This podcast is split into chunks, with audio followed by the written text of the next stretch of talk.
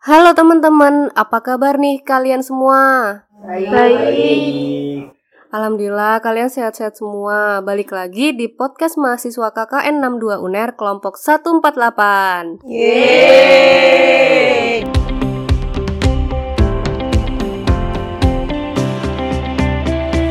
Masih pada inget kan topik bahasan kita kemarin? Ya kan? Tentunya inget dong. Ingat dong tentang new normal kan? Yap, bener banget. Tahu nggak sih, sejak pandemi COVID-19 muncul, hampir semua orang mengalami kendala untuk menjalani kehidupan normal akibat pembatasan yang perlu dilakukan untuk mencegah penularan virus corona. Iya, iya bener banget nih. Tapi pemerintah mulai melonggarkan beberapa sektor loh meski pandemi masih berlangsung. Salah satunya yaitu sektor usaha.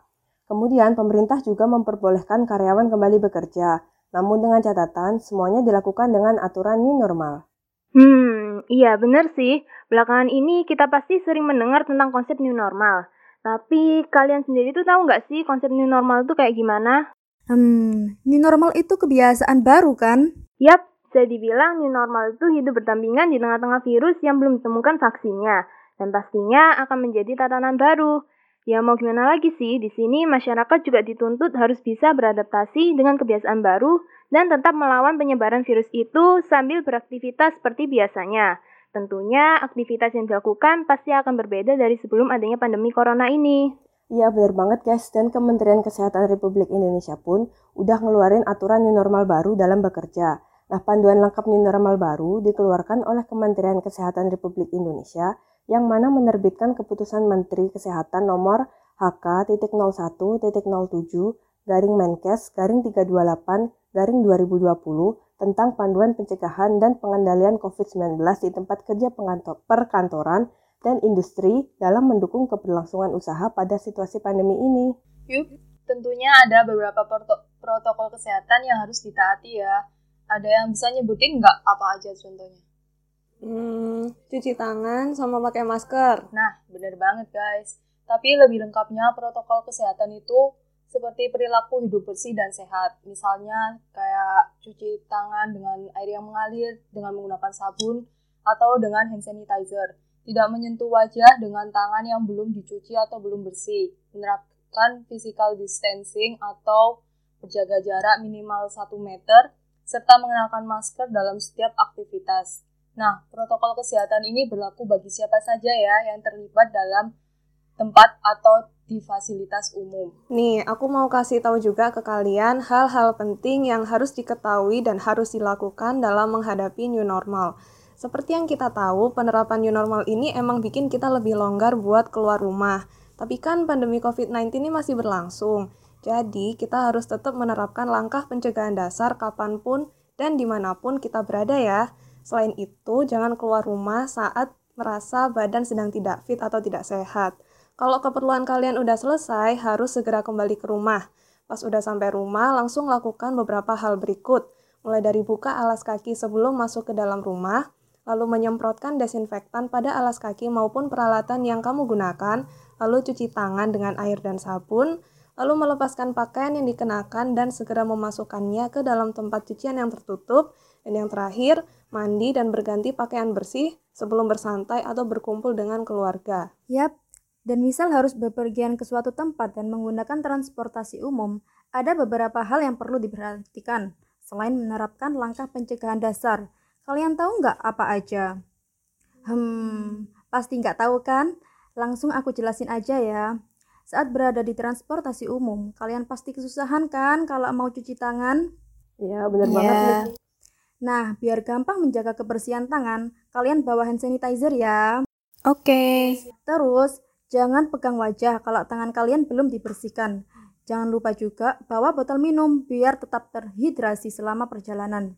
Nah, yang paling penting nih, selama berada di dalam transportasi umum, kalian sebaiknya mengurangi interaksi dan menjaga jarak setidaknya 1 meter dengan penumpang lain. Kalau hal ini tidak dimungkinkan, nah sebaiknya jangan menggunakan transportasi umum ya guys. Oke.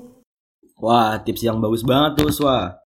Aku juga ada nih protokol kesehatan selama berada di tempat kerja.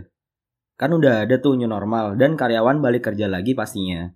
Nah, biar tetap aman dan terhindar dari virus corona di tempat kerja, harus menerapkan physical distancing dalam setiap kegiatan di kantor. Ketika beraktivitas di meja kerja ataupun pada saat rapat, kita harus memastikan jarak antar kursi minimal 1 meter. Nah, kalau ada rekan kerja yang duduk dengan jarak kurang dari itu, kita jangan ragu-ragu ya buat menegur dan mengingatkannya agar menjaga jarak. Terutama pada saat makan siang.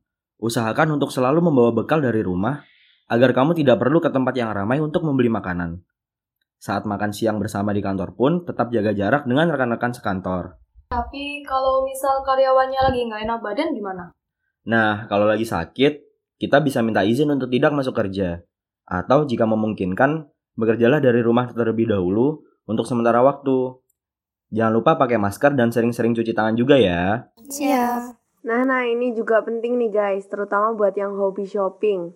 Karena udah diterapkan new normal, mall-mall udah pada buka dan pastinya bakal ramai juga. Kalau misal nih kita mau belanja, bahan makanan pasti bakal ketemu banyak orang kan iya nggak Iya, bener banget tuh. ingat selalu terapkan physical distancing ya batasi menyentuh barang-barang di toko maupun di tempat umum setelah menyentuh barang-barang tersebut jangan menyentuh wajah atau barang-barang pribadi misalnya tas dan handphone tujuannya buat mengurangi risiko terkontaminasi virus corona selain itu kalau bisa jangan berlama-lama saat belanja catat barang-barang apa saja yang perlu dibeli dan langsung ke kasir kalau semua sudah didapatkan. Berlaku juga kalau misal kita dan keluarga makan di restoran nih. Pas kita lagi makan pasti harus lepas masker kan? Jadi pilih tempat makan yang ventilasinya baik ya. Biar ada pertukaran udara di tempat tersebut. Ingat, selalu jaga jarak dengan orang lain. Termasuk pramusaji, pengunjung lain, dan kasir ya. Oh iya, kalau bisa kalian bayar pakai metode pembayaran non-tunai atau cashless. Untuk mencegah kontaminasi itu. Tapi kalau nggak memungkinkan harus langsung mencuci tangan setelah memegang uang ataupun kartu ya guys. Siap.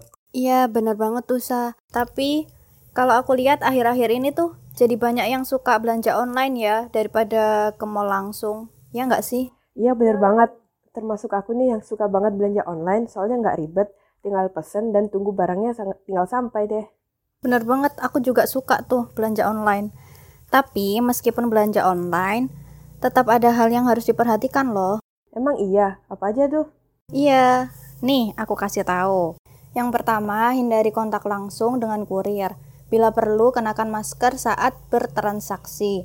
Upayakan untuk membayar barang belanjaan dengan secara non-tunai untuk meminimalkan interaksi dengan kurir.